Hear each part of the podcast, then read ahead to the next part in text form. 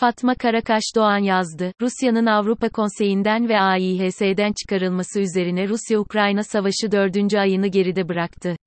Uluslararası hukukun açık bir ihlali olan askeri bir saldırı ile başlayan bu savaşın nasıl ve ne zaman sona ereceğini bilmiyoruz ancak uzun bir zamana yayılacağı yönündeki fikirler gerçekçi görünüyor. Ukrayna topraklarında devam eden savaş, adı, uluslararası, sözcüğü ile başlayan pek çok kurum ve kavramı tartışmaya açıyor, uluslararası hukuk düzenini ve dengeleri değiştirip daha fazla bölünmeye yol açıyor. Avrupa Konseyi'nden başlayacak olursak, Konsey 2. Dünya Savaşı'nın hemen ardından 1949 yılında kuruldu ve Türkiye kuruluştan sadece 3 ay sonra üye oldu. Konsey 1950 yılında AİHS'ni kabul etmiş ve en önemli organı olan AİHM 1959 yılından beri gelişerek varlığını sürdürmüştür. Rusya 1996 yılında Avrupa Konseyi'ne üye olmuş, AİHS'ni ve mahkemenin yargı yetkisini kabul etmiş böylece AİHM'nin yargı yetkisi coğrafi olarak insan hak ve özgürlükleri lehine genişlemişti. Avrupa Konseyi, Ukrayna'ya saldırının hemen ertesi günü, Rusya'nın Avrupa Konseyi üyeliğini askıya aldı, 16 Mart 2022 günü de üyelikten çıkardı. Rusya Ulusal Parlamentosu konseyden çıkmaya ve AİHS'den çekilmeye dair yasaları kabul etti. Sözleşmenin 58. maddesine göre, çekilme beyanı 16 Eylül 2022 tarihinde yürürlüğe girecek ve Rusya'dan AİHM'ne başvuru yapılamayacak, 150 milyonluk Rusya halkı bu uluslararası ve yargısal insan hakları mekanizmasından artık yararlanamayacaktır. AİHM'ne en fazla başvurunun Rusya'dan yapıldığı düşünüldüğünde, mağdurlar kaybetmiş, uluslararası denetimden kurtulmuş olan devlet gücü kullanıcıları kazanmıştır denebilir. Bu gerileme umarız ki bulaşıcı olmaz.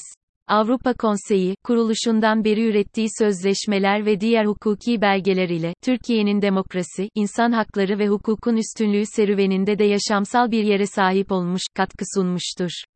Türkiye'nin hukuktan fazlasıyla sıkılmış bir grup tarafından yönetildiğini ve uluslararası denetim mekanizmalarına tahammül edemediğini hatta bir gece yarısı yine Avrupa Konseyi'nin bir insan hakları sözleşmesi olan İstanbul Sözleşmesi'ni birinci tekil şahıs cümlesiyle kaldırıp attığını düşününce, insan haklarının akıbeti konusunda endişelenmemek neredeyse olanaksız. Türkiye bir süredir adeta özel üye muamelesi görüyor Avrupa Konseyi nezdinde. Hak ihlalleri konusundaki pervasızlığı kısa cümlelerle geçiştiriliyor ve hiçbir yaptırım uygulanmıyor. ABD ile daha da yakınlaşmak, Avrupa'nın güvenlik kaygılarını uzun vadede giderir mi bilmiyoruz ancak hukukun üstünlüğü konusundaki misyonuna zarar vermesi olası görünmektedir. Rusya'nın Ukrayna'ya saldırması ile birlikte Avrupa ve ABD tarafından uygulanan ekonomik yaptırımlar meselesinin hukuki zemini de güvenlik kaygılarının ötesinde açıklanmış değildir. Mesele Rusya'nın karşı yaptırım uygulaması ile devam etmektedir ki Rusya dünya gıda tedarik zincirini bozmakla suçlanmakta ve BM küresel çapta bir tehlikeye işaret etmektedir. Rusya'ya karşı uygulanan ekonomik yaptırımlar, bir uluslararası hukuk kuralına doğrudan dayanmıyor, BM tarafından alınmış bir kararda yoktur.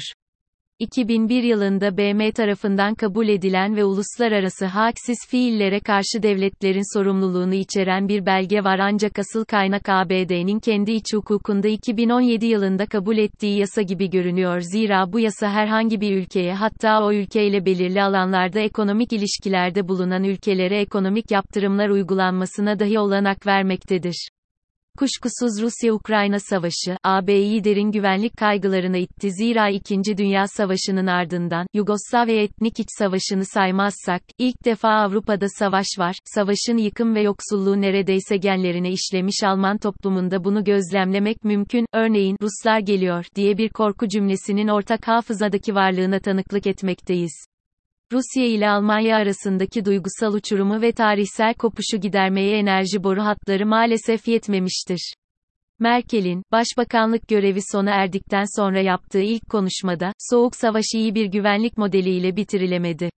Rusya AB'nin komşusudur. Her türlü farka rağmen birlikte yaşamayı öğrenmek zorundayız. Sözleriyle kendi dönemindeki Rusya-Almanya politikasını açıklaması pek de Almanlara hitap etmiş gözükmüyor. Nokta. Bu koşullar altında, kılı kırk yararak, insan hakları hukuku alanında devasa bir içtihat hukuku oluşturan ve kararları Avrupa kamu düzenini temsil eden AİHM ve Avrupa Konseyi'nin, güvenlik endişeleri karşısındaki çaresizliğini gözlemlemek de kuşağımıza düştü. Hukukun üstünlüğü ve insan hakları meselesi nihayetinde bir denetime ihtiyaç duyar ki uluslararası denetim mekanizmalarının işlevi de budur. Avrupa'nın ABD ile güvenlik seviyesinde yakınlaşması, Batı hukukunun güvenlik ön şartına bağlı olarak çalıştığını göstermektedir. Kendisini uluslararası hukuk ile bağlı saymayan ve uluslararası denetimin hep dışında kalan ABD ile daha da yakınlaşmak, Avrupa'nın güvenlik kaygılarını uzun vadede giderir mi bilmiyoruz ancak hukukun üstünlüğü konusundaki misyonuna zarar vermesi olası görünmektedir.